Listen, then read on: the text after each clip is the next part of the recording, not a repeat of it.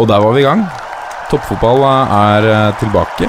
Mitt navn er Martin Roppestad. I dag har jeg også med meg Jørgen Kjernås. Hallo, Velkommen. hallo. Takk Hei. for det. Har du hatt en uh, trygg og stille og god uh, 17. mai-feiring? Med en treåring i så blir det ikke helt stille, men uh, rolig og hyggelig har det i hvert fall eh, vært. Du har fått sett litt fotball på fotballens nasjonaldag også? Ja da, det blei en god pakke der. Det blei jo litt artige matcher òg.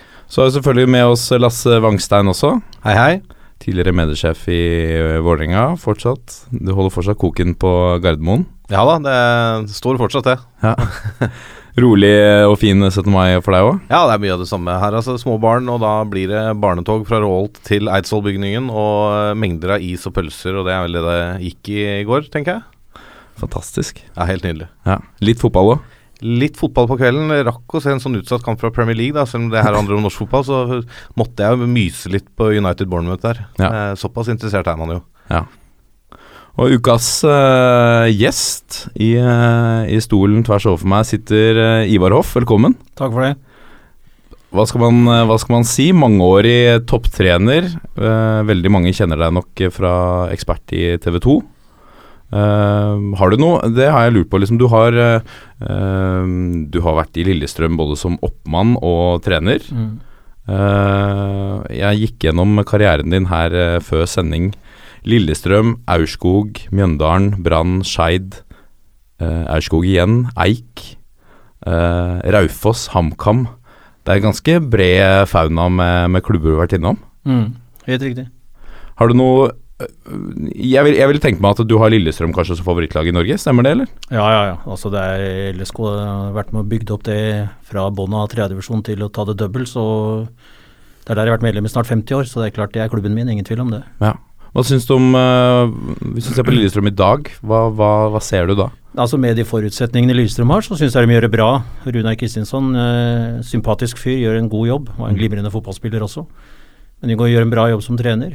Og jeg syns de får fram litt uh, unge spillere. Og stallen den er ikke bred nok kvalitativt. Så rundt sjette-åttendeplass. Og nå er det litt defensivt, for kan si målet for mange av oss er jo at uh, vi skal også være i Tippeligaen neste år.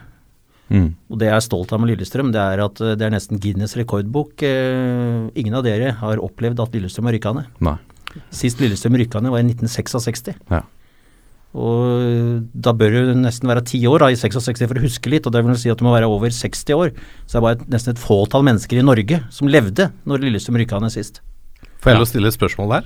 Ja. Har det blitt en sovepute for Lillestrøm som klubb? At det er blitt så viktig å holde plassen kontra å kanskje gå for å være den toppklubben Lillestrøm historisk har vært tidligere, med litt medaljer og Ja, du har helt rett, og det er jeg litt forbanna på. Altså, jeg drikker kaffe på Fagerborg hotell hver morgen klokka sju, og der er den harde kjernen. Det er vi som gir alle svara på mandagsmorgen hva de burde ha gjort kvelden før. Men eh, dere må opptatt nå, derfor er solgt Friday. Ja, ikke sant. Mens jeg sier at det svarte kan dere ikke holde han, og muligens få en europacupplass. Og så kan man vurdere eventuelt å selge. For man eh, Men det har vært mye defensivt. Henning Berg trente jo Lillestrøm, ikke sant. Og for meg og for Lillestrøm, store, største kampen i sesongen er Vålerenga. På Åråsen. I lokalavisen Henning Berg, kolon. Nei, det er en lik kamp på linje med alle andre. Mm. Altså hallo i luka, altså det skal være rød lanterne på onsdag, utsolgt. Stinn brakke. Men eh, ja, men det, dere ligger jo utsatt på tabellen. Hvordan, hva har du å si til det? Eh, jeg ser ikke på tabellen. Tar én kamp av gangen. Vi Det er sånn, kjenner det er sånn trenersvar. Ja. Det er like viktig den kampen. Det er bare tre poeng å få i den kampen her. Det er ikke det. Det er Lillestrøm-Vålerenga. Det er den viktigste kampen i året for mange supportere. Selvfølgelig betyr det noe. Selvfølgelig skal den vinnes. Ja. Eller tull. Betyr ekstremt mye for klubben nå, fordi der er det 10 000 mennesker på Åråsen, og det bør være oppunder 20 på Ullevål. Ja, Og det bør. Kassereren gnir seg i hendene. Og du har ikke lyst til, som jeg ser for meg Jeg tenker på meg selv da, som en uh, fotballsupporter. Du, du har ikke lyst til å høre at treneren ser på Lillestrøm Vålerenga som en hvilken som helst kamp. Du har lyst til Uh, hvis dere er enig med meg i det, at du, har lyst til å, å få opp trykket litt. Det er noe spesielt. Det er en fest, Lillestrøm-Vålerenga. Og treneren ljuger. Altså, altså, det første han gjør er å studere resultater, tabellen og vurderinger på sitt eget lag, og det andre er at eh, nå er det Vålerenga til helga. Oi! Ja. Ja, ja. Men med, med en mannsalder i norsk fotball, eh, Ivar, både på Du har jo sikkert mange historier både fra TV 2 og, og Fotball-Norge. Har du no, en morsom fotballhistorie som, som kanskje ikke alle eh, vet om, som du kommer på? Nei, ikke akkurat så morsom, men uh, vi, vi var unge den gangen. Jeg var bare 22 år når jeg ble ansvarlig for fotballen i Lillestrøm. Og da var vi jo, og jeg kan jo si, det er jo grunnet Tom Lund at jeg sitter her i dag. Mm. For uh, en annen uttalte en gang at hadde Tom Lund vært født på Strømmen, så hadde ingen hørt om Lillestrøm. Nei. Og det tror jeg er sant. Ja. For Lillestrøm var på vei ned i daværende fjerdedivisjon, som øh, er nuværende tredjedivisjon. Mm. Da Tommy debuterte som 16-åring, var det vel, mot Moelven. Og, den- og juniorlaget ble norgesmestere i 66. Og på det laget der, det var da stammen i det nye Lillestrøm. Lillestrøm var jo gode på 50-tallet, Mm. med tre cupfinaler og et seriemesterskap. Og så Jeg spilte faktisk i Strømmen som lilleputtspiller, men eh, foreldrene mine og vi flytta til Oslo pga. skolegang og jobb. Så da spilte jeg gutte- og juniorfotball i Skeid. Og da var jo, det var der jeg lærte veldig mye. For det var Skeid og Vålerenga. Jeg hadde i mitt hjerte spesielt Skeid. For Vålerenga og Skeid var jo de beste lagene i Norge på 60-tallet. Med Vålerenga seriemester i 65, Skeid cupmester i 65, Skeid seriemester i 66. Og der hadde jo disse profilene som eh, vi eldre prater om fortsatt eh, i dag, med Terje Hengeren, Hellerud Bruno, Trond Hoftvedt eh, og mange andre tekniske gode spillere. Hoftvedt var jo litt seinere, da, men endog. Mm. Men så inn på Skeid, så jeg, jeg har jo jeg har rota litt rundt på, på internett og prøvd å finne noen sitater. Og så vet jeg at du mener at du har ikke sagt alt dette selv. Så skal vi nærmere tilbake til det mot slutten av sendinga i en egen Ivar Hoff-sitatquiz. Men jeg la merke til her at uh, det kom en ny regel uh, til alle klubbene om, om at de måtte sende brev til klubbene før de kunne snakke med de. Og så har du sagt at uh, Nei, det, jeg har ikke sagt det, vi gjorde det. Det var Ja. i Lillestrøm, det. Vi ble kasta ut av det som heter norsk toppfotball. Det het serieforening den gangen. Ja. Vi henta jo Vi henta Terje Olsen Rune Hansen fra Vålerenga, Mm. og så Toro. Året etter henta vi Birkelund, Georg Hammer. Og det var litt bråk, da. I den tida ble det litt støy av det. Men Vålerenga rykka jo ned. De i 76, rykka opp igjen i De rykka ned i 75, opp igjen i 76. Og så, Det var en litt morsom historie, men uh, den er ikke fra meg egentlig. Men eh, vi fikk Vålerenga i serieåpning i 77 på Bislett. Og det var 0-0 til pause, tror jeg det var. Og så feide vi over dem i annen omgang var Joe Hooley på benken. Han var jo trener i Lillestrøm. Og så gikk vi opp til 4-0-ledelse på Bislett mot Vålerenga. Og da hvor Joe Hooley gir beskjed via Frank Rullin at eh, 'it's enough, lads'. Den, den, eh, var herlig. Den er, den er Nei, men i brevet, så det, Da var jo Serieforeningen var jo litt Vi var jo mye yngre enn de andre fotballederne. Og øh, hadde vel litt andre klær også. Med litt dresser og litt uh, hangglider-skjorter og den slags. Hatter. Mm. Men øh, så kritiserte de oss fordi at øh, vi tok kontakt med andre spillere. Det gjorde vi jo, Mm. og det la jeg ikke skjul på heller. Så bestemte da Serieforeningen, som det het, at øh, man skulle kontakte styret i den klubben du var interessert i en spiller. Jeg er interessert i å snakke med. Og for å slippe da en del portokostnader, så sendte jeg brev fra LSK til alle klubba, så jeg tar kontakt med A-stallen din. så da var det gjort, men det, det blei ble ikke tatt imot humoristisk. Det blei kasta ut av foreningen. Men de henta oss inn igjen etter en stund, for de ville jo ha oss der, da. Ja. Ja, ja. Er veldig bra. Eh, velkommen i studio. En, eh, veldig morsomt å ha deg med. Vi går videre videre,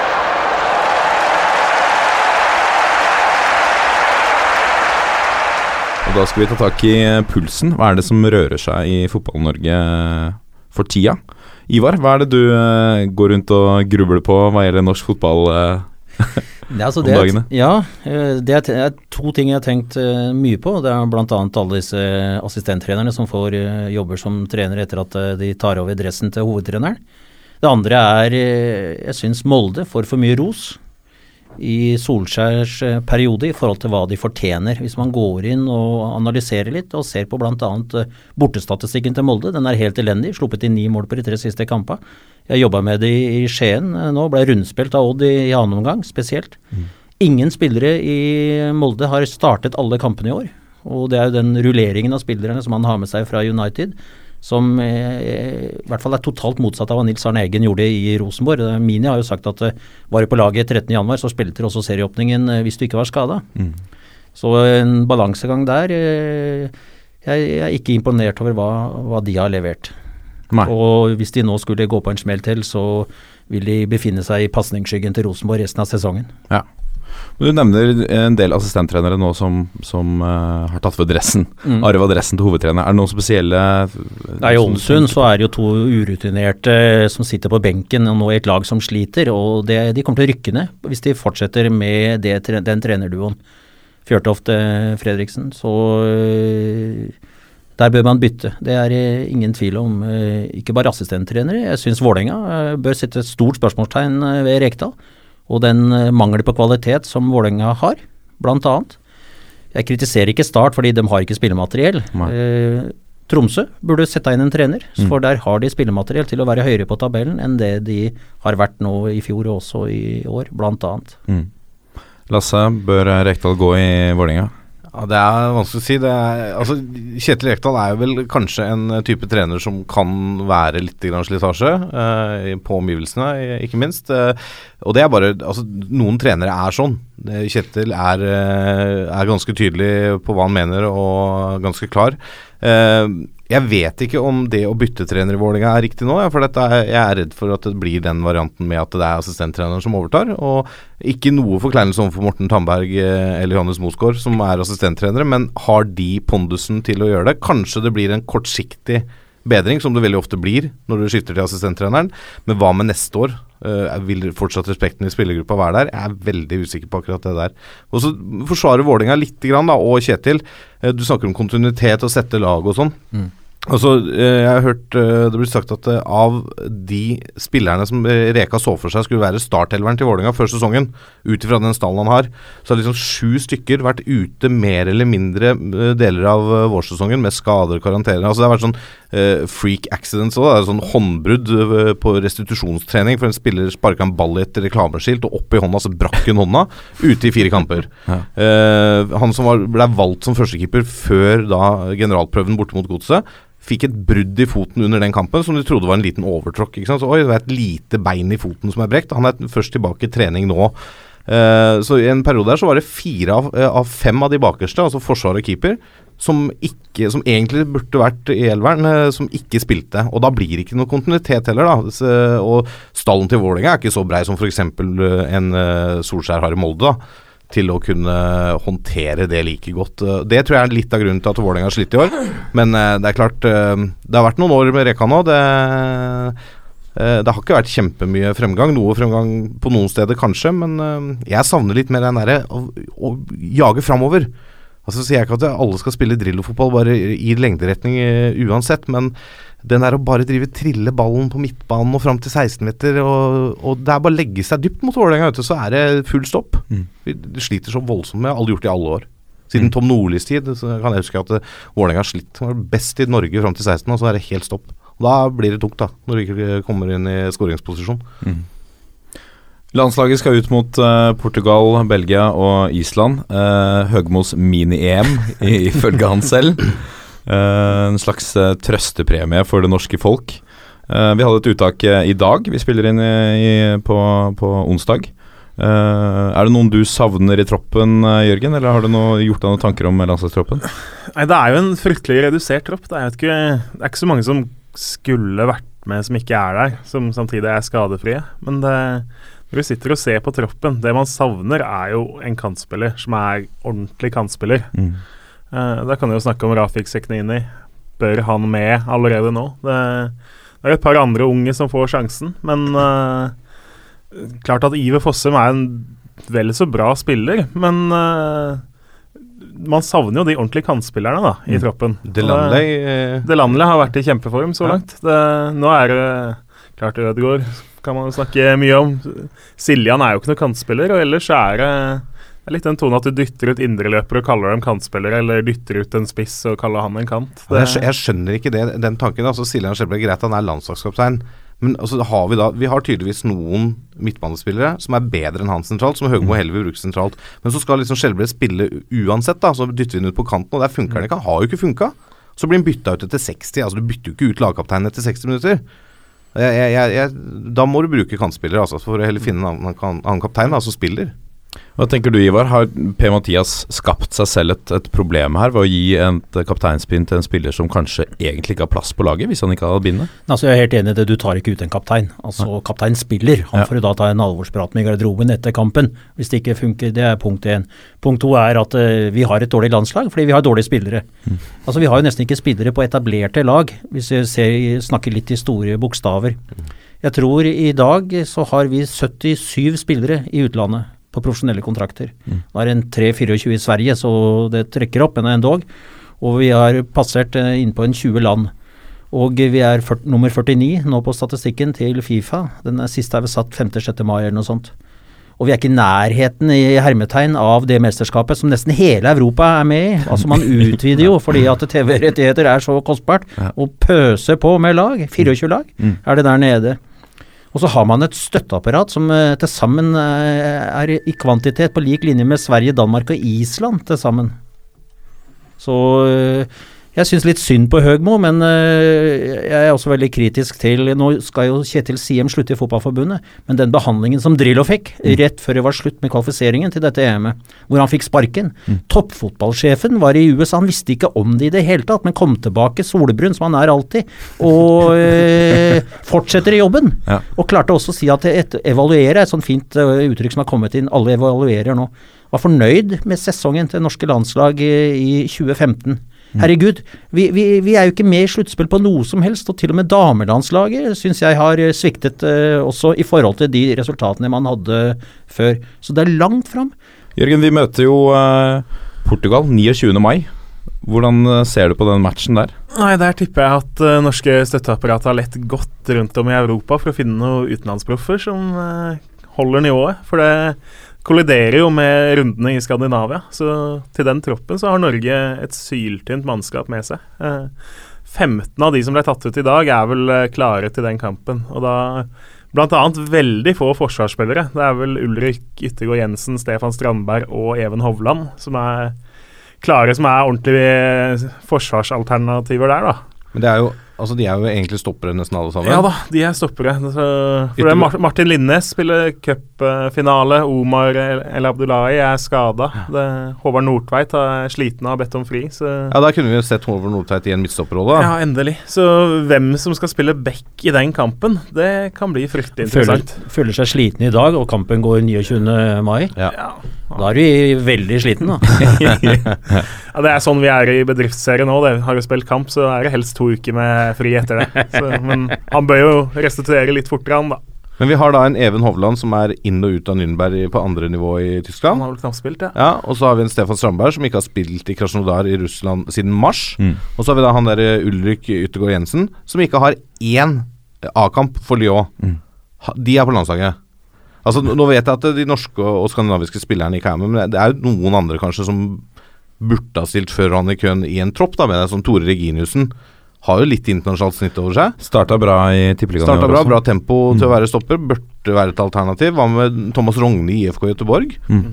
Eh, altså, ok, har vært lenge skada, men kom tilbake. Var kaptein 90 minutter. Banens beste i første kampen med 90 minutter. Han bør kanskje vurderes på et landslag. Altså, det er jo forsvarsalternativer der, men eh, Vegard Eggen Hedenstad får vel sannsynligvis en backsjanse i den kampen. Ja, for det, det, få. det fins jo ikke andre. Nei. Så man kan jo lure på det er, det er kult å spille mot Portugal, selv om Ronaldo og PP er opptatt med mesterligafinale.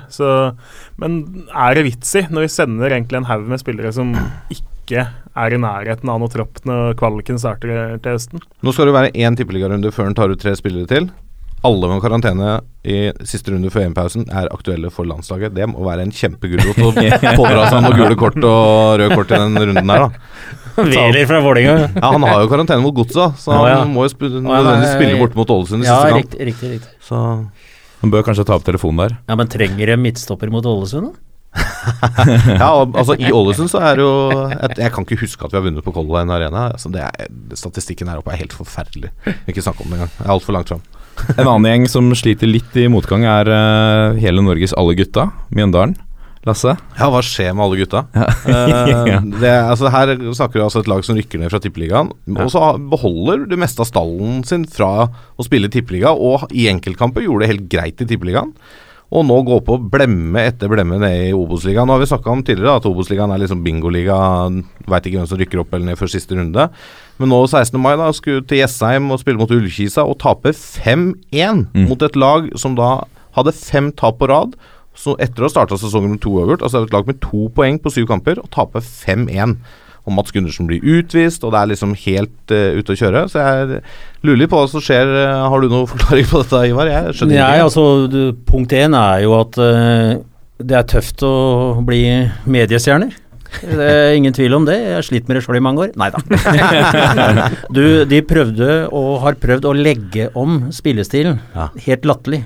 Altså, når du ikke har teknikk og du ikke har tempo, så skal du begynne å spille å si, med spanske lag som forbilder. Det passer ikke Mjøndalen. De fikk de få poengene de fikk, de fikk jo nesten ikke poenger i hele tatt i Tippeligaen, men de var brukbare til å begynne med. Ble spilt trillende rundt av Rosenborg første halvtimen, og Drillo sa her er kampen kjørt. Men så skjer det mirakler, og så vant de den kampen. Og øh, men det, det fikk veldig mye positiv PR gjennom da den serien. Jeg fulgte den med interesse sjøl, for jeg har jo et stort hjerte for Mjøndalen. Jeg har vært der i fire sesonger og gjort det veldig bra. Men øh, når de da kommer og legger om den litt øh, sin måte å spille på, hvor det er litt sånn gammeldags, vil jeg sier først på ballen og dødballsituasjoner og tungt og kjør på hele gjengen, til å begynne å trikse på midtbanen, og du i utgangspunktet er født med trege gener. Det går bare ikke. Og nå må, nå må en skjønne dette, han treneren der nede, for eh, serien var jo nesten bare om han, da, ikke om spillere. Nei, nei. Så det eneste jeg likte var eh, han ga skikkelig Skivet skive til han Pellegrino en gang, hvor han fikk han ned på bakken. Han også prøvde å ta litt i Lillestrøm. Han satt på innbytterbenken og sendte Twitter-meldinger at treneren var ikke bra nok, for han var ikke på banen. Nei, ikke sant. Altså Men, men. Men er det, altså det med spillestil eh, Altså i Obos-ligaen, som er en så, sånn liga, burde man ikke der i hvert fall gå for det litt enkle? Se på Levanger, da, som jo har fått masse ros med rette nå. Det, altså en, hvor, hvor, høy dødballandel er det ikke de har skåra ja. på? Det, ja, men Det er fordi at han som kommer som trener der, han Magnus har Powell, vært eh. gjennom Lillestrømskolen på dødballer. Ja, ja men det, det, er altså I 1977 så dødballer, vi skåra på det hele tida. Og det har sittet igjen i Lillestrøm, Frode Kippen og også Magnus Powell ikke minst. Men altså Mjøndalen, altså en trener Hadde jeg tapt eh, 5-1 for ullkisa. Altså, hallo i luka. Da hadde jeg Det var en trener i Odd en gang fra Sverige, tror jeg. Eh, Sonny Listen Sødeberg. Jeg tror han sa opp jobben i pausa gikk, jeg. ja, men altså, herlig. Da får du respekt.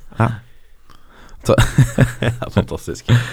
Altså, det er eh, Vi, vi snakka i første episode om eh, det som skjer i, i, år som er helt spesielt, med annendivisjon, tredjedivisjon det er eh, kun de syv øverste lagene i uh, annendivisjon som holder seg.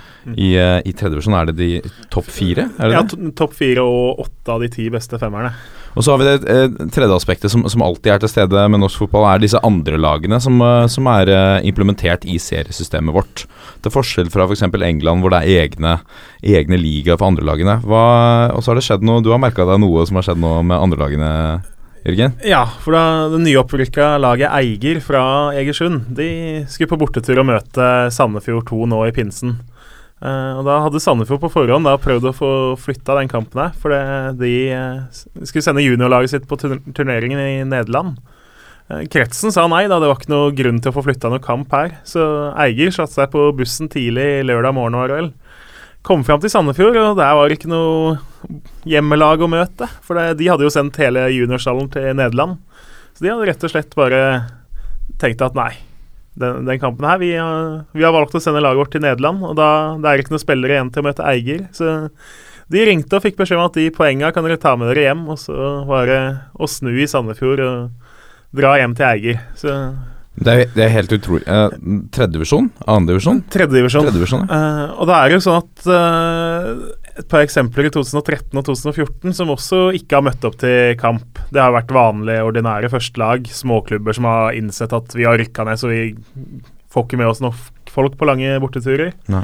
Eh, så vi får se da om Sandefjord nå får samme straffen. For det uteblir du fra en kamp på det nivået, så skal du ifølge reglene kastes rett ut av serien. Ja. I fjerdedivisjon og lavere så har du ett forsøk hvor motstanderen får tre poeng.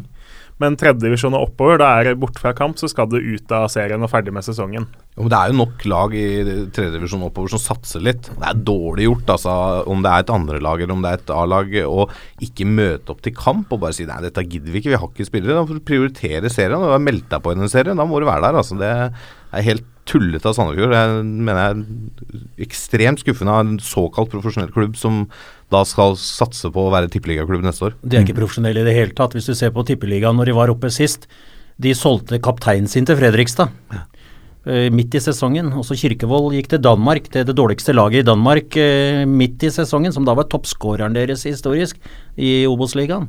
Så de fortalte jo omverdenen, eh, og det sa jeg der nede også, at dere vil jo ikke være med i Tippeligaen. Og du taper jo millioner av kroner når du rykker ned. Og, men de skulle spille da det systemet som Bohinen la opp til, men eh, du fikk det var under 20 eller rundt 20 poeng eller noe sånt og blåste rett ned. Nå går de opp igjen. Jeg er helt enig.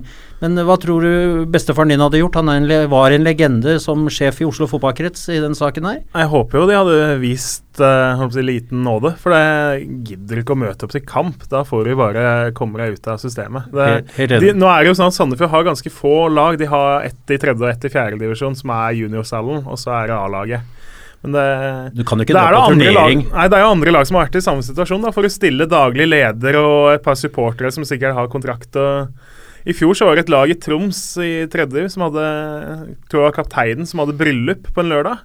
De hadde jo da Han hadde invitert nesten hele stallen, så de rota jo opp folk som hadde spilt for klubben for åtte-ni år siden uten å liksom har gått noe annet sted, så de sto registrert i klubben. da Så de sendte elleve mann eh, på bortetur, som sannsynligvis ikke alle hadde hilst på hverandre før, og knapt eh, rørt en ball en del av dem på noen år. Det er jo en del eh, odds- odds-spillere som sjekker ja, lysningsbladet og ser om det er bryllup eller Sandefjord hadde helt sikkert klart, hvis de ville, og stilt de som satt på benken for A-laget i runden før. Det er Greit at de hadde kamp igjen 16. mai, men da, Ja, men da må Da ikke sende juniorlaget til Nederland. da får du stå og trille litt kule da, si til de A-lagsspillerne fra benken at uh, Ta det med ro.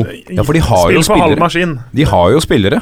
Hvorfor spiller ikke innbyttere på to-laget? Ja, nei, det, Man kan jo lure. De hevda det var mye skader og sykdom og sånn, men de hadde vel over 60 mann på eh, Jeg trena, kontrakt. da jeg trena Lillestrøm altså Innbyttere må jo få matchtrening, og de må få matchtrening på et høyt nivå. Vi var i andredivisjon. Mm. Vi vant andredivisjon med to-laget vårt.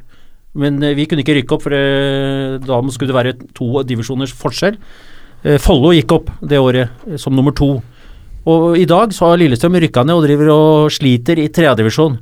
Tilbudet der er ikke bra nok for innbyggerne til Lillestrøm, i mine øyne. De burde da spille eh, i kanskje Skeid eller eh, Strømmen eller andre steder for å eventuelt eh, komme opp eh, på nivå kvalitativt. For de blir dårligere og dårligere for hver uke som går på divisjon 3-nivå. Dårlig lag når de, ikke, når de forteller at vi prioriterer ikke dette. Så Sandefjord 2 burde bli kasta rett ut. Ja, jeg mener jo at uh, Jeg er jo blant de som mener annenlaga hører hjemme i seriesystemet, men uh, da må de holde på med fair play, og det er det ikke alle av dem som gjør. Så jeg, jeg skjønner jo at det er mye småklubber rundt som er fryktelig forbanna. For det, terminlista avgjør jo Møter du et tippeligalag i sommerferien, så møter du en gjeng 17-åringer. Og møter du dem på høsten når de trenger poeng for å berge plassen, så møter du åtte tippeligaspillere isteden. Husker du i Vålerenga så var det alltid liksom den derre å sikre plassen i andredivisjon, fordi vi skulle ha best mulig arena for de nest beste og for juniorene.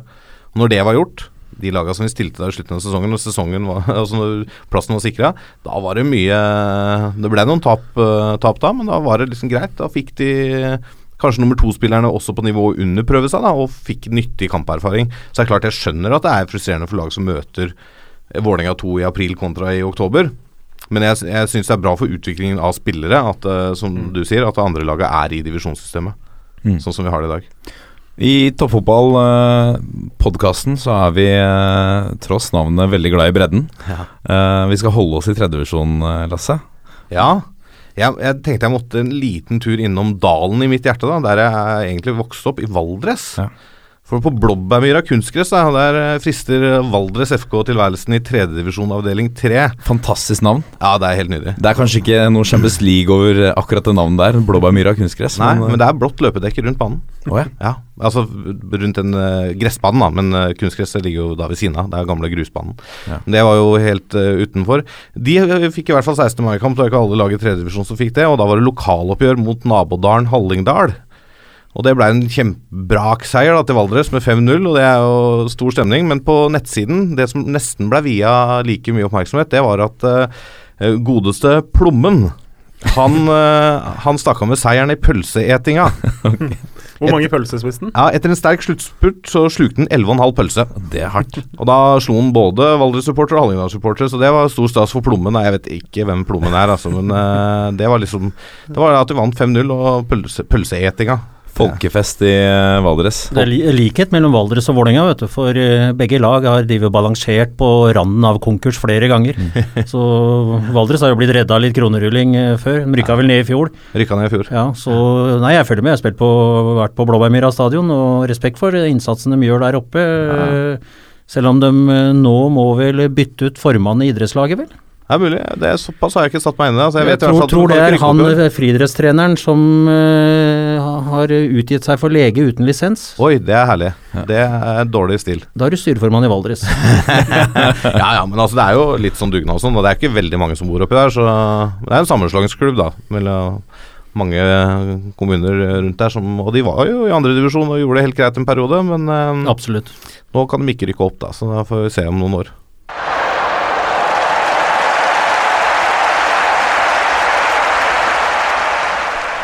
Og så er det sånn nå at vi har et uh, samarbeid med VIPS fra DNB. De fleste vet kanskje hva VIPS er. Vet du hva VIPS er, eh, Wangstein? Ja da, vet jeg. jeg. er Såpass teknisk blitt at det bruker jeg av og til. Så bra. De som ikke har brukt det før, så er det en app fra DNB hvor man veldig enkelt kan uh, sende penger eller overføre penger via mobilen. Eh, og for dere som hører til et fotballag, så, er, uh, så kan dere høre med klubben deres om dere f.eks. kan betale neste kontingent via VIPS. Det er mulig nå, som, uh, som er en ny, fin mulighet for fotballklubber. Nå har vi en konkurranse hvor pengene vi får inn her, går til, direkte til Kreftforeningen via VIPS. Så trekker vi ut en heldig vinner av konkurransen som har svart riktig. Så koster det én krone å være med. Pengene går rett til Kreftforeningen, som sagt. Og du kan vinne en fantastisk Nå blir dere misunnelige, gutta. En eh, toppfotball-kaffekopp. Oi. Din egen toppfotball-kaffekopp. Den eneste av sitt slag i Norge foreløpig. Spørsmålet er, må dere følge godt med, hvor mange mål blir scora i den tolvte tippeligarunden? Altså totalt antall mål i neste tippeligarunde. Og hvilket lag scorer flest?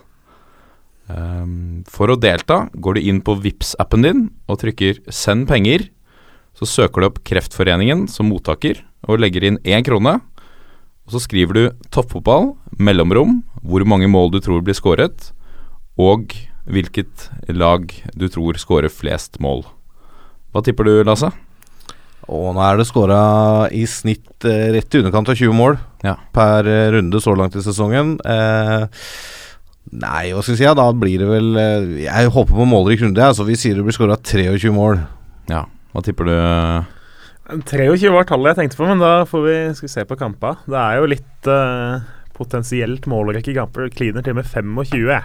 Ja, 25. Så det gutta gjør nå, er at de går inn på Vipps-appen uh, og trykker 'send penger'. Så søker de opp Kreftforeningen som mottaker, legger inn én krone, og toppfotball, mellomrom, hvor mange mål som blir skåra i den tolvte tippeligarunden, og hvilket lag som skårer flest. Så er det med i trekningen om et fantastisk kaffekrus med toppfotball. Jeg tror det blir Molde, forresten, som skårer flest. Hjemme mot Brann. Ja. nå, nå åpner det seg i Brannforsvaret. Hva tror du, Jørgen? Glad i høyoddsere, så da går vi for Sogndal. Veldig spennende. Oi, oi, oi. Spennende intern kamp også i toppfotball. Bli med på konkurranse.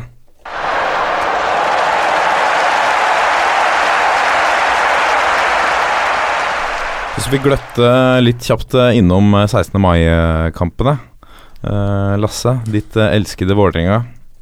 Deres, eh, de sto med tre strake hjemmeseiere før matchen. Og så, hva skjedde mot Haugesund? Det ble ikke noe fotballfest på Ullevål, i hvert fall. Det er helt sikkert. Eh, Nei, det, altså det, hva som skjedde, det var en tam affære. Altså, jeg hører Kjetil Wæler uttale at eh, han merka allerede på oppvarming at spillere ikke var på. Mm. Da ble jeg bekymra, altså. For det, du spiller for Vålerenga på Ullevål og 16. mai. Hvis du ikke klarer å være på når du skal varme opp da, og klar til kamp, da er det noe gærent. Uh, om det er spillernes feil eller om det er trenerens feil, det veit jeg ikke. Men i hvert fall uh, Haugesund kommer i sitt vante 3-5-2-5-3-2-variant og legger seg litt bakpå og satser på litt kontringer og lykkes med det. Og, og dytter inn et mål tidlig der og kan ri på den. Og møter et Vålerenga som rett og slett ikke klarer å bryte ordentlig gjennom. Og sånn med skudd på mål og sånn, så er det helt uh, greit, egentlig, at uh, Haugesund vinner. Uh, kunne, altså En uavgjort hadde sikkert vært greit, det òg, men det der var ikke noe god kamp av Vålerenga, selv om de har spillemessig overtak i andre omgang. Men det er klart,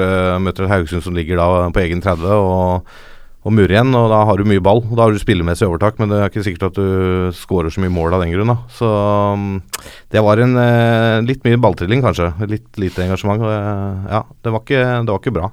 Og så er det selvfølgelig da, så er det en uh, fyr da som uh, skårer mål da, for, uh, for Haugesund. Ibrahim Shuaibus. Første skåring mm. i tippeligaen noensinne. Og det bør ikke overraske noen som følger Vålerenga, i hvert fall. For det at det en eller annen skårer sin første skåring noensinne i sesongen, eller at det er en X-spiller som skårer mot Vålerenga, det det skjer, altså. Jeg, jeg, jeg er litt sånn nølete av og til, altså jeg måtte sjekke litt. da, og På de siste tre sesongene, da ikke inkludert i år, så er det da 41,6% av målene Vålerenga har sluppet inn, har kommet av da spillere som enten skårer 30% eller mer av målene sine mot VIF. Ja. Skårer sitt første mål den sesongen eller noensinne, eller X-spillere. Ja. da er det tungt, vet Da er det bare å sette penger på folk som ikke har skåra før, eh, når du møter Vålerenga. Sånn er det. Trondheim, eh, Ivar. Eh, ditt uh, Lillestrøm gikk på et 1-2-tap mot uh, Rosenborg. Mm. Kanskje ikke så overraskende? Det var jeg tror det var 34. gangen vi spiller på Lerkendal og har én seier mm. der oppe. Mm. Så på forhånd så regna man med at uh, skal man ta poeng der, så vil det være flaks. Mm. Frode Kippe uttalte jo i lokalavisen etter kampen at hadde de fått med seg poeng der, så hadde det vært et ran. Men de siste ti minutta så hadde Lillestrøm faktisk mulighet til å kanskje få et uavgjort eh, resultat. Men den blei jo spilt trillende rundt eh, til de grader i perioder av kampen. Men Friday hadde et fint skudd i stolpen. Rosenborg er gode, maskinen går. Eh, jeg tenker litt sånn Nils Arne Eggen når jeg ser dem i dag. Kåre gjør en kjempejobb med laget, i mine øyne og fått uh, trøndere til å få trua på Rosenborg skikkelig. Det er fullt på Lerkendal veldig, veldig ofte. Uh, og Nils Arne var jo herlig, da. Jeg må jo si det, jeg var jo der oppe en del som trener sjøl også. og jeg husker en gang han fortalte, da, nå som det snart er sommer, da, ferie Det er jo ferie, fotballferie i juni da, i Norge. For når de andre vil spille fotball sånn som fotball skal spilles, da tar vi ferie. Men uh, du, du, Nils, kan du hjelpe meg nå i ferien med et program så jeg kan bli raskere? Det er ikke noe problem det, sa Nils. Ta lengre skritt og oftere. så det, Men uh, Rosenborg vant fullt fortjent 2-1. Uh, Sjøl jobba jeg i Skien, så jeg har ikke sett kampen, men jeg har lest og snakka med folk som var på Lerkendal. Det, er vel, det er vel ikke noe tvil om at uh Tippeligaen i år, hvis du ser på gullkampen, den er ganske uspennende. Rosenborg kommer til å ta det. Det er veldig greit. Har fem poeng allerede nå ned til Odd. Mm. Altså, Jeg ser ikke at noen andre, inkludert Odd, altså, skal klare å true dem utover sesongen. Jeg skal til Haugesund til søndagen. Eh, Haugesund-Rosenborg, tror jeg han heter.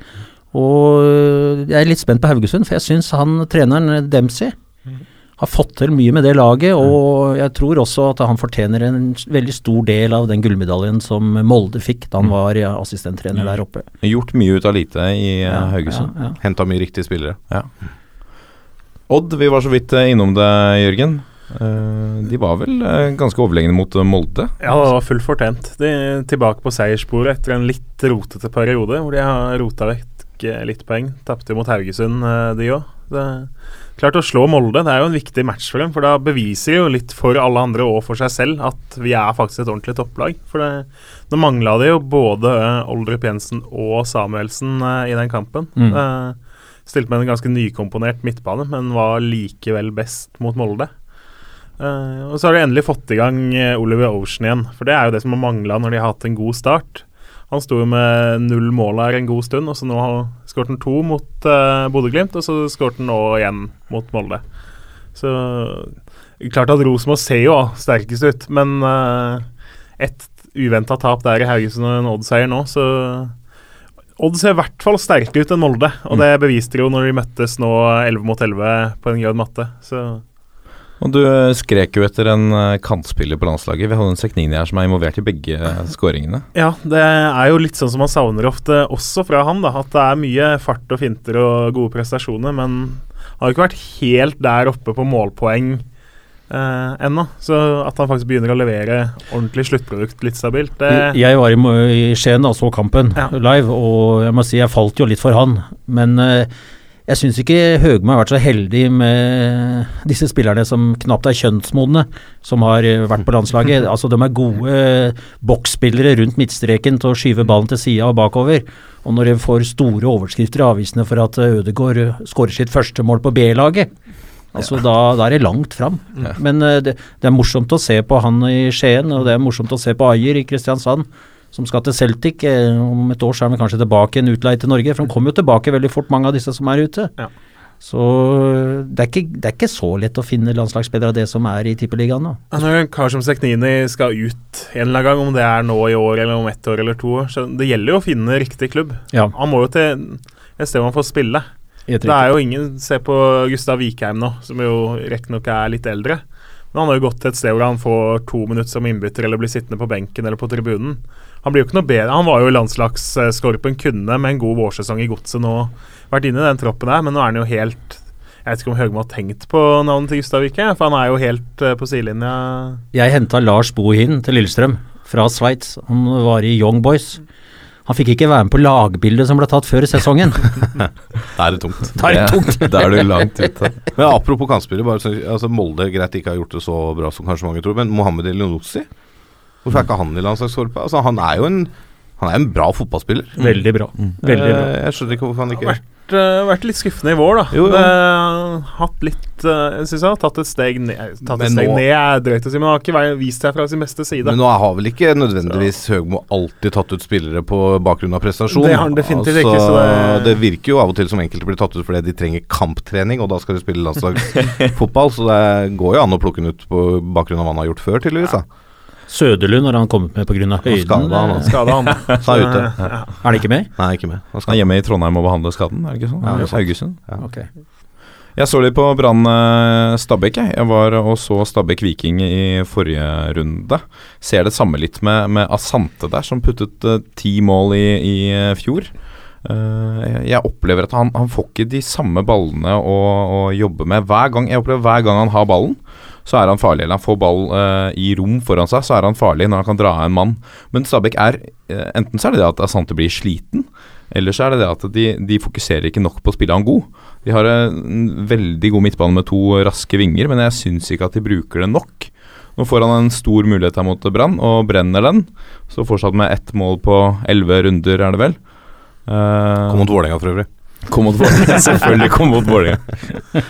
Uh, Brann tar en sliteseier, 1-0. Det er ikke noe festfotball, men jeg tror bergenspublikummet er fornøyd med bare at de er på vei mot uh, uh, altså en topp seks-syv-plassering. Da tror jeg Brann skal være ganske fornøyd i år. Ja, men de har et lag som kjemper, som blør, ja. som har engasjement, som dunker til dueller. Altså Det er jo det man vil ha som fotballsupporter. Mm. Og det er jo det som kanskje mangler noen andre steder. da. Litt grann føles sånn, i hvert fall. Og det er, jeg skjønner at de er fornøyde. De, de rykka opp. Om de klarer å øh, etablere seg midt på tabellen og ta noe hjemmeseier og, og vise at de blør for å spille for Brann, det er klart eh, jeg hadde vært happy jeg òg, som øh, Brann-supporter. Ja. Var du like happy da du fikk eh, ansvar for Viking Sogndal 0-0? Nei, Det er jo bare å takke, Roppis. Eh, altså Få liksom eh, Viking, Sogndal, Vålerenga, Haugesund og gå gjennom det. Det er tung materie, da. Men eh, ja, de mørkeblå i Stavanger Det ble ikke noe 16. mai-fest på de heller, altså. Nei.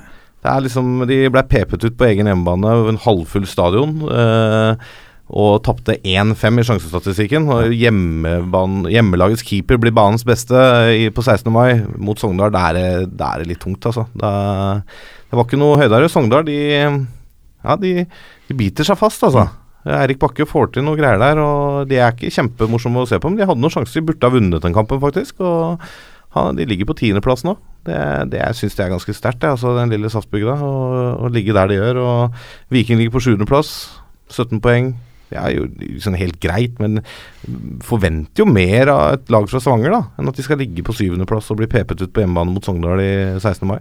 Det er også et av mange lag i, i Norge som eh, sliter med økonomien. Nå har de fått innsprøyta noen 15-20 millioner kroner av en, eh, av en eh, gruppe investorer. Jeg snakka med uh, Jon Evre. Jeg var, jeg var litt overraska over det, for etter Stabæk-kampen, hvor de ikke gjør en De, de starter bra de første kvarteret. Eh, og så faller de egentlig ganske sammen. Og Jon Evre forklarer dem at uh, de fikk en skade på Bjørn Daniel Sverrisson, så måtte legge om hele spilleplanen sin. Og det er litt sånn Hvor mye er du avhengig av én spiller for at, at hele laget faller sammen?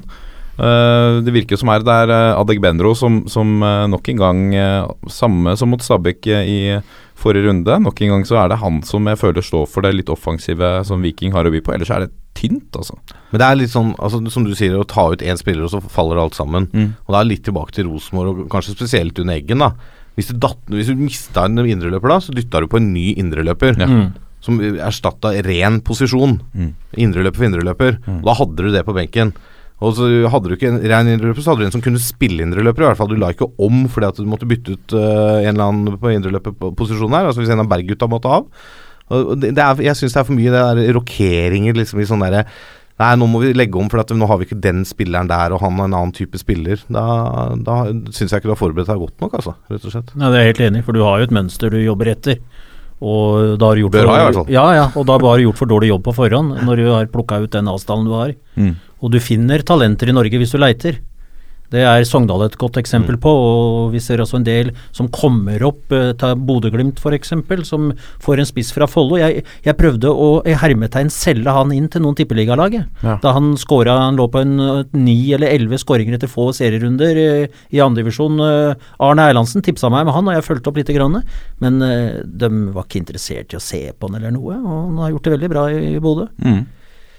Noen andre som gjorde det bra 16. mai, var Strømsgodset. Slo Sarpsborg 4-0 etter at det, eh, det lagga litt i, i, i første omgang der, eh, Ivar. Ja da, altså Strømsgodset de eh, skjønte hva de skulle gjøre i fjor, når de avsatte sin danske trener som ikke fikk til noe som helst. Tapte med 3-4 eller noe sånt på Åråsen, han var fornøyd. Altså hallo i luka. Så Nilsen han er jo trener i Danmark nå, og så kom eh, eh, Solørgutten BP inn. Og på de 20 kampene han leda, det var etter ti serierunder eh, de bytta trener, de 20 kampene, så tror jeg han vant serien. Ja. Ett poeng foran eh, Rosenborg eller noe sånt nå. Eh, Men så har de solgt to kvalitetsspillere, de beste. Og det, det gjør du ikke ustraffa. Og eh, vi solgte Kjetil Osvold og Tom Sundby i Lillestrøm eh, midten av 80-tallet og blei straffa pga. det. det. Du må ha balanse i laget. Det er derfor jeg er som motstander. Har du en spiller som klarer å skåre tre på rad, så skal de absolutt selges. Mm. Da må du beholde dem, for de trekker publikum og de gir resultater. Men eh, fullt fortjent. eh, De kosa seg eh, 16. mai. eh, fikk motstanderen spiller utvist i en eh, situasjon som har blitt litt omdiskutert. eh, og det er jo sånn at det er i en eh, skal vi kalle det en reell målsjanse, og som dommeren vurderer til det, og det blir felling der, så er det utvisning. Og det kan diskuteres om den var reell eller ikke, men eh, jeg har jo vært borti en dommer som sagt at jeg så det var du som hadde ballen, så da får det jo aldri blitt noen sjanse. Men eh, da, da er det grei på det. Men eh, det holder ikke bare å si at eh, den utvisningen ødela den. Strømskose på Marienlyst er gode. Ja, for det var jo 3-0-skåringen som kom etterpå der med Øyvind eh, Storflor. Så da var jo Strømsgodset lå jo allerede to mål foran. Jeg tror den kampen var kjørt før Han, utvisninga. eh, Ja, det er jeg enig med deg. Øyvind Storeflor har fått altfor lite media egentlig de siste åra i forhold til den jobben han har gjort der Mm. nede i Strømskose. Han er skikkelig god spiller, altså. Og det er litt sånn Jeg snakka med Håvard Lilleheie på, på telefon som var med oss. eh, Han var lei seg for ikke å være med her i dag. Eh, han sa det at eh, du tror at Storeflor er for gammel, og så bare klinker han til med et eh, frispark eller et eller annet med noe assist. Det er en grand old man som fortsatt leverer i godset. Han har jo litt den fordelen Altså, han har jo aldri vært rask, men han har jo vært en fotballklok kantspiller med en god fot. Ja. Så det, det er jo de raske kantspillerne som på en måte taper seg litt når de begynner å miste farta. Så mister de på en måte halve arsenalet sitt. Men Ja. Storeflor har jo de samme styrkene. Han er litt smartere enn nesten alle han møter, i hvert fall i tippeligaen, mm. fotballmessig. Det verste, Jeg er helt enig med deg, og det verste jeg har opplevd som regel, og det lagde jeg en statistikk på også, det er hjemvendte proffer. Mm. Som kommer hjem til Norge og skal fortsette da på amatørnivå i Norge i forhold til å ha vært vant til. Hvor de da liker ikke smerte lenger og er opptatt av å male gjerder i hagen og klippe hekken og gå tur med bikkja. Altså, det er så mange eksempler på det. det er, du kunne telle på én hånd hvem som kom tilbake og leverte en gedigen jobb. med Storeflor, han har ikke vært ute sånn, men for en spiller, og så har han vel vært heldig, han har ikke vært noe særlig langtidsskadet. Han ligger der ute på sida og serverer altså det flotteste innlegg som du kan tenke deg. Vi nevnte Bodø-Glimt. Der var det en uh, herre ved navn Milan Jevtovic, Jørgen, som uh, Han er jo den etter Fred Friday som har flest mål så langt, Ja. så med seks skåringer. Og det På La Manga i vinter så så jeg et par av de kampene her. Uh, han var jo ikke spesielt god. Uh, hørt fra et par i miljøet rundt klubben òg at de, de lurte litt på hva er det vi har henta. Nå er det han her som skal spille høyrekant. Men Han har jo den der litt ubestemmelige kvaliteten som heter målskårer, da. For han lukter det. Han er fryktelig god i avslutningsøyeblikket. Han klarer å skaffe seg det lille rommet du trenger for å få avslutta mot mål. Det, så han er jo ikke noe sånn spillemessig stjerne på noen som helst måte. Men uh, når du kommer til sjansen og setter en høy andel av de, så da, da trenger jo ikke være så mye involvert. Når, klart Når du avgjør 16. mai-kampen for Bodø-Glimt borte mot Tromsø, da har du i hvert fall sørga for at det blir trygt noen drakter med navnet ditt bak på noen uke. Det blir god stemning i Bodø noen eh, dager da. Ja. Og det, det, var en viktig kamp hvis du tenker på tabellen nå. For det, ingen av de to laga er gode nok til at de kommer til å spille seg langt unna nedrykksstriden i år. Så tre poeng der etter en periode med mye tap og dårlig spill for Bodø, det, det var fryktelig viktig for dem. Mm. Det endte i hvert fall 2-1 til, til uh, Bodø-Glimt over Tromsø på Alfheim. Um, Ålesund Start 1-1. Uh, eh, hvor det ble diskutert om, om Riise skulle hatt et uh, straffespark uh, mot seg her. Han er mye, han er mye i media om dagen fortsatt, og, og klager jo litt på det. Men sånn jeg ser det, så, så løper han ned ned motspilleren sin, nesten. Det er, det er, klart at det er ikke en bevisst felling, men han blir jo han blir tatt. Er frispark midt på banen, da er det straffe. Ja. Enkelt og greit. Altså. Ja, Den er det ikke noe tvil om, men det er jeg helt sikker på at dommeren er enig i når han får sett reprisen. For det, ja. når det er en kar som er i ferd med å hoppe opp, og du løper inn i ryggen på han og meier han i bakken, da, da, er det straffe. Det Uansett hvor uheldig du er uten ja, ja. Det er klønete, jeg tror ikke han mener det, men uh, du må ta konsekvens av dine handlinger. Men altså, mye media altså, det, Dette må Jon Arne Riis tåle, altså. Ja. At folk snakker om den og skriver om den. Altså, han, han, kommer hjem til Norge og, og, er den spilleren med flest landskamper for Norge. Mm. Og skal spille i Tippeligaen og være med å løfte liksom, barndomsklubben sammen med broren som er kaptein. Da må du tåle at folk setter litt krav til deg, og tåle at folk skriver om det. Altså, jeg synes uh, ikke kall det survete, men altså Ok, kanskje han har fått litt ufortjent mye oppmerksomhet og ufortjent mye kritikk, da. Men han kom litt sånn utrent og Men hvor er Berit hen? Nei, det vet jeg ikke. Berit har ikke vært på banen. Mora hans. Nei, vi, altså, hun var med alltid før. Men, skal vi ha Berit Riise på banen for Ålesund også? Nei, men altså, hun pleide jo å være ute og, med litt friske uttalelser og markerte ja, nå har de, Han er 5-36 år, må, må kunne klare å ta vare på seg sjøl litt. Han trenger ikke Berit nå. Du mener han er voksen? Ja, han bør være, i hvert fall. Altså, ja. Han har jo en herlig CV. Ja, ja, ikke sant. Så er det 260 kamper for Liverpool, eller hva nå enn er, og 100 for Roma, og men uh, 104 landskamper? Altså. Ja, 110 har han. 110, sorry. Men, uh, han er jo utrent, og han er dårlig, rett og slett. Så han må ha et år på seg, skal han komme tilbake i form, men uh, men, men, passer han inn på midtbanen? Nei. Nei, nei, nei, nei. Spørsmålet er jo hvor han passer. Han er jo venstrevekk. Det er jo som venstrevekk han har vært god og opp mot høy europeisk klasse. Uh, han har jo aldri vist noe som at han skal passe inn som en ballfordeler uh, på midtbanen. han skulle han passe inn på midten, så måtte han vært i form og spilt indreløper en treer, sånn at han kunne løpt litt opp og ned. Men uh, at han skal drive av mye ball sentralt og gjøre noe spesielt med den der, det er jo det har han jo sagt selv òg, at det er jo ikke det som er rollen hans på en fotballbane. Men det, det virker på meg, da, som uh, Fredriksen og Fjørtoft og, eller Ålesund bare har bestemt seg at vi må bruke den. Vi har mm. henta den hjem, da må han bruke Da må han spille jeg mener altså eh, Hvis Jon Arne Riise, som da du sier er best som venstreback, ikke er bedre enn den venstrebacken de har, da får du eventuelt bruke den som stopper, da. Er han ikke god nok uh, bedre enn de to som spiller der, da får han sitte på benken. Mm. Du bruker han ikke som offensiv midtbane, defensiv midtbane, som en sentral midtbane sammen med broren, bare for å bruke den hvis han ikke er god nok. Du må bruke de som er bedre enn den, hvis det er alternativet. De trodde nok at den var mye bedre enn det han nå er. Ja men, ja, men, de bruker den feil, mener jeg, da. Ja, det, det er ingen tvil om. Det er alle enig i. Så det er leit, da. Det er, det er jo trist å se sånne spillere som ja, har vært så Jeg er helt enig. Jeg syns det. Han fortjener ikke dette Ta Odd Iversen, Tom Lund, altså gedigne spillere. Jeg sa jo til Tom Lund at uh, den dagen du gir deg, gjør det akkurat når du har scora et mål. Tar av støvla, sett dem på banen, gå barbeint i dusjen, og ikke vis deg mer. Mm. Altså, hallo i luken. Du skal ikke drive og Frank Sinatra sang aldri på Bøndernes hus i Odalen. altså, det, hadde vært en fantastisk opplevelse hvis man hadde opplevd Frank Sinatra i Odalen. Ja. Det hadde vært nydelig. Da tror jeg vi skal gå videre.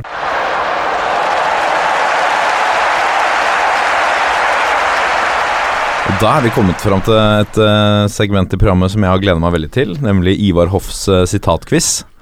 Du har jo ment uh, mye i mange år, Ivar. Du har veldig mye gode, gode sitater. Vi har plukka ut et par av de.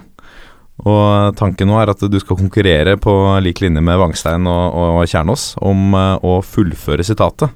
Så jeg leser opp eh, starten av sitatet, og så sier dere navnet deres. Og da får dere ordet og muligheten til å, til å sanke noen poeng her. Eh, da kan jeg begynne med det første. Det kan hende han er skada, eller så sitter han hjemme og Lasse. Lasse? Flette kurver. Ja, det er, det, det er- helt riktig. Hvem var det om? Kan du huske det? Nei. Du, du husker du ikke? Om Dag Risnes? Dag Risnes. Ja. Altså, han er den spilleren som har spist flest gratis biffer betalt av Lillesund sportsklubb. Var alltid interessert i å komme til oss, men eh, etter nøye og overveielse så takker jeg nei. Fantastisk. Ja, et, Nei, poeng, et poeng til Lasse. Neste er uh, Det beste du kan gi en venn, er en Jørgen, Jørgen. god pasning. Ja, det er riktig. Husker du det, Ivar? Ja, den har jeg vel brukt flere ganger. Ja. Den syns jeg er veldig god sak. Den er fin, den. Ja, faktisk. Nå eh, er stillinga én til Lasse og én til Jørgen, og null på Ivar. Ja. Får muligheten. Norske fotballedere har sølv i håret, gull i tenna og bly i Ræva. Baken der vel eh, Baken var Den bli husker jeg, for jeg ble gitt ut av bok eh, i høsten 77. Og der står det med bilde av eh, broren min og meg på baksida ei kjerre med hest. Ja. Som da er et sånn lite bilde på norske fotballedere. Så gikk det ikke mange år før jeg sjøl hadde sølv i håret og Og det andre som ble nevnt, eller? ja, gull i tenna. Ja da. Neste. Han hadde spenst som en Lasse. Lasse? T-pose. Ja, det er riktig. Husker du hvem det var? eh, Eh, Det var en lynspiller. For uh, altså når du hopper opp på en corner, han sto ved stolpen, som Arne Skeie skal alltid ha folk på stolpene, Ja. og skruknota sto igjen på bakken. så reiser TV 2 opp, uh, det var ikke min idé, uka eller noen dager på treninga med en T-pose, og skulle måle om dette stemte. Det var jo stygt gjort på hvem spiller det var, det, det, det husker jeg ikke. Men jeg tror det var en lynspiller. Videre så skal vi til en Lillestrøm-spiller. Uh, spennende spiller, denne Wernie. Hardere mottak igjen. Jørgen, Jørgen. skudd. Hardere mottak i skudd, Peter Wernie. Mm. Husker du den, Ivar? Ja, Stemte det? ja. Ja. Stemte det. Men er det ikke noen som har sagt det om broren Edvin du har sagt det, eller er det en myte, det? Nei, det Kanskje begge to hadde Nei, jeg tror det han øh, Kjell Kaspersen hadde en fin en, kom inn på Skeid-treninga da Kjell var jo Norges beste keeper i en årrekke. Hva syns du om han, øh, Kjell? Er det en som har noen mulighet som senter? Senter? Jeg skyter hardere med hoppski på beina. den sa Kjell Kaspersen, den syns jeg også var fin. Og så har vi den siste, og det er um, Å se Ådne Sønderål gå en god 1500 meter er det samme som å se en lekker pasning. Det er sportslig Orgasme. Det er riktig. Nei! det er riktig, Ivar. Jeg må si han treneren til Mjøndalen hadde en fin en også, og da, da jeg bruker jeg navn og sier Ja. hvem det kommer fra. Ja. Han sammenligna en sånn situasjon med Det er som å ha sex med lyskestrekk. altså, smerte og glede, altså det er helt nydelig. Ja, det er, for, det er for den, du får et ekstrapoeng for den, faktisk. For den ja, det, det var ikke min, altså. Den var Mjøndalstreneren sin. Av Vegard Hansen. Fikk Ja. det. Han fikk poeng av Vegard Hansen. Det Ja. det betyr at eh, Ivar eh, slo dere ned i støvla med, med tre poeng mot eh, deres to. Skulle vi egentlig bare mangle. Ja, det, det, vil, det vil jeg si. Mye gode sitater. Tusen eh, hjertelig takk for at eh, du kom og var med oss, eh, Ivar. Det var kjempehyggelig å være her. Takk. Takk til dere, gutta. Takk selv. Takk selv. Eh, vi er Toppfotball på Facebook og Instagram, og gå inn på iTunes og rate oss der inne. Eh, det setter vi veldig pris på, enten du hater det du hører, eller om du har noen spørsmål, eller du vil høre mer om, eh, om Valdres. Så gå inn og skriv det på iTunes, det blir vi veldig glade for. Så ses vi neste uke.